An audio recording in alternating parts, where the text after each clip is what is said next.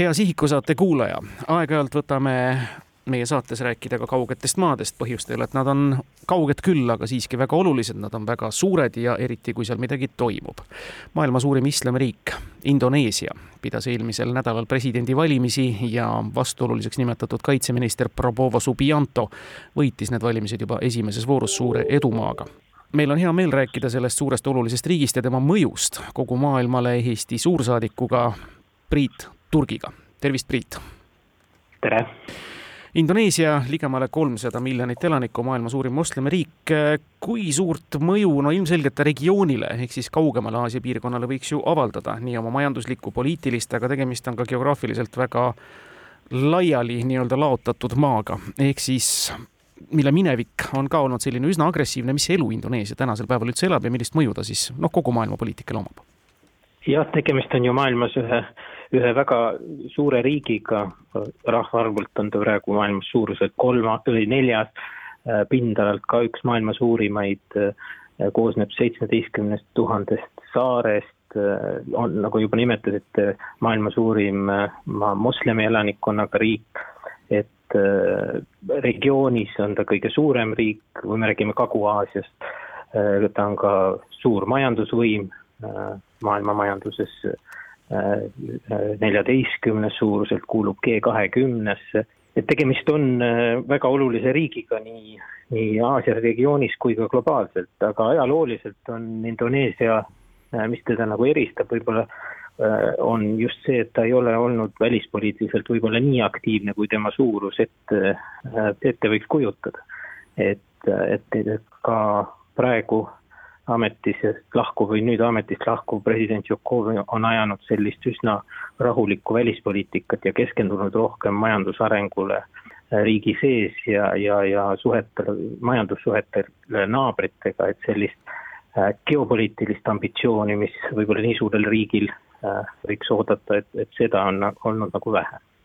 Widodo on vist jah, suhteliselt nii-öelda rahumeelse perioodi toonud Indoneesia ellu, sest et varasemalt ju teame, et on Indoneesia juhid ikkagi üsna agressiivselt käitunud, okupeerinud, noh, meenutame siin Ida-Timori juhtum, eks ole, Timori saar. Ja geopoliitiliselt oleks ta vist selle võrra veel atraktiivsem ja võiks olla mõjusam, kuivõrd ta on ka otseseks lüliks jõudnud Austraaliaga samuti, täpselt Aasia ja Austraalia vahel ta paikneb. Jah, et tema geograafiline asukoht on kindlasti, mis, mis, mis tõstab veelgi tema olulisust, ehk siis äh, India ja, ja Vaikse ookeani vahel kaubateede äh, ristumiskohas Austraalia, Hiina vahel äh, ja lisaks on ta kindlasti tema olulisus see, et, et ta on äh, globaalse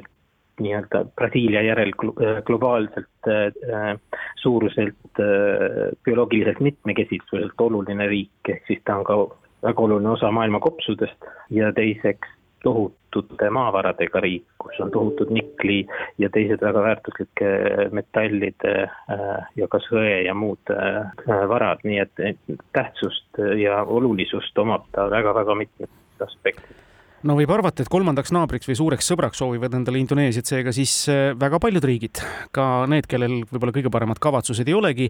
kuidas on Indoneesia ennast laveerinud nende nii-öelda mm, riikide seas, kes talle endale kolmandaks naabriks tahavad tulla, on selleks Ameerika Ühendriigid, on selleks Hiina märksa lähema riigina, Venemaa võib-olla kindlasti kombib?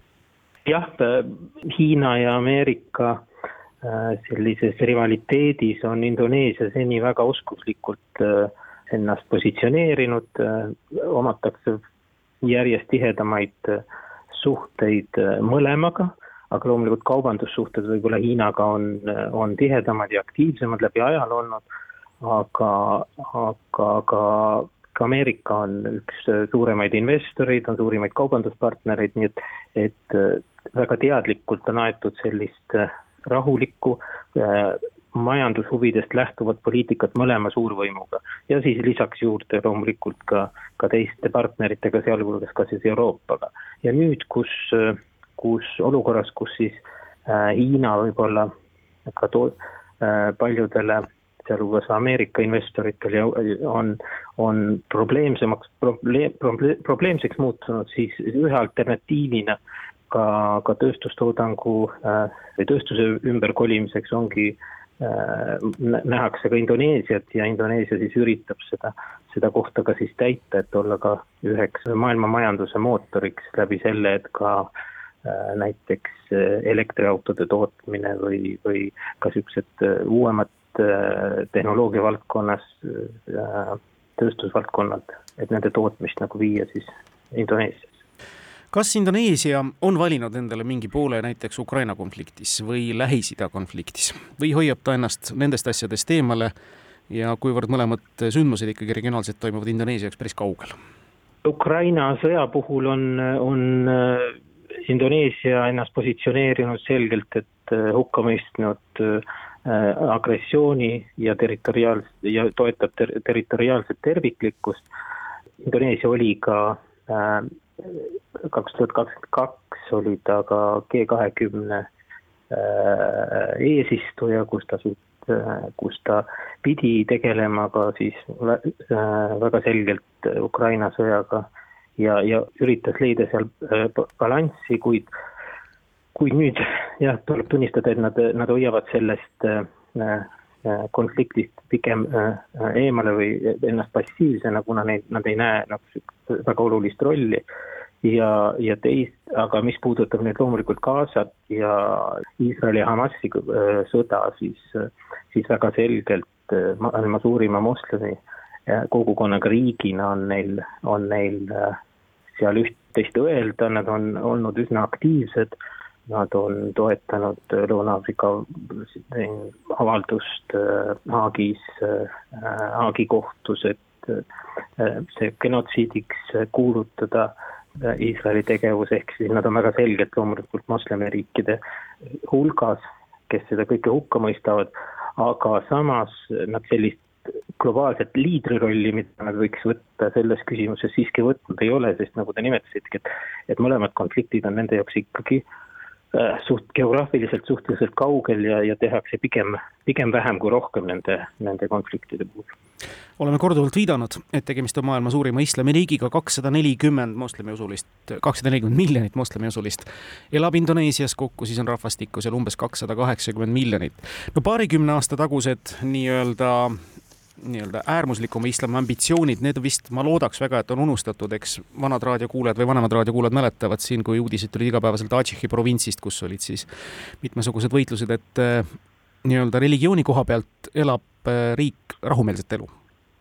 Jah, ma ütleks küll, et, et loomulikult on ka radikaalsemaid grupeeringuid riigis ja ja,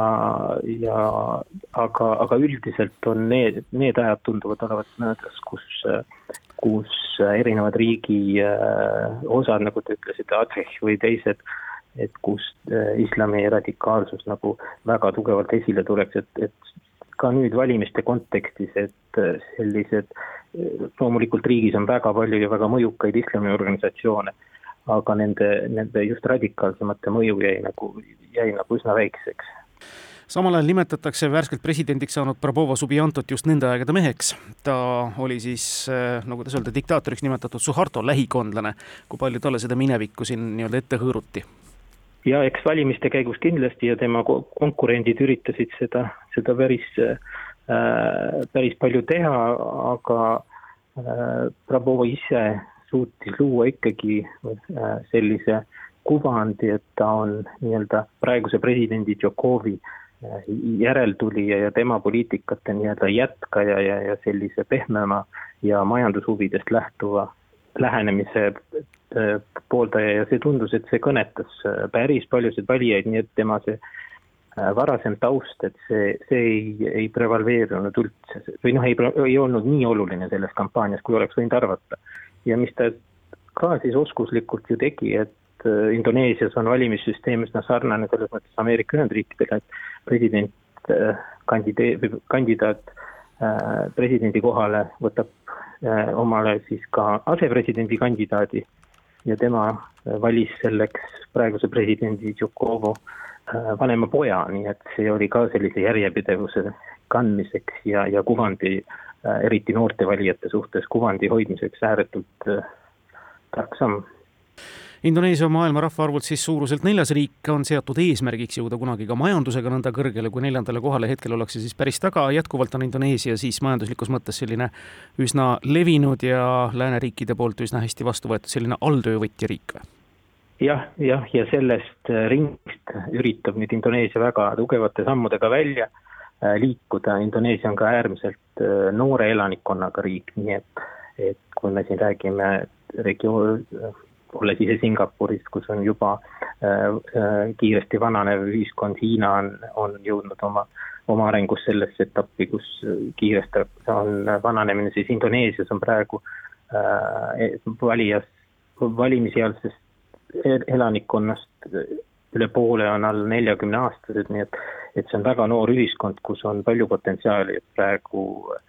teha siis nii-öelda majanduslikult äh, tugev hüpe, kui need investeeringud tulevad, kui suudetakse korruptsiooniga võidelda, kui suudetakse see seaduslik keskkond luua, et, et siis see potentsiaal on väga suur. ja, ja tulenevalt oma noorest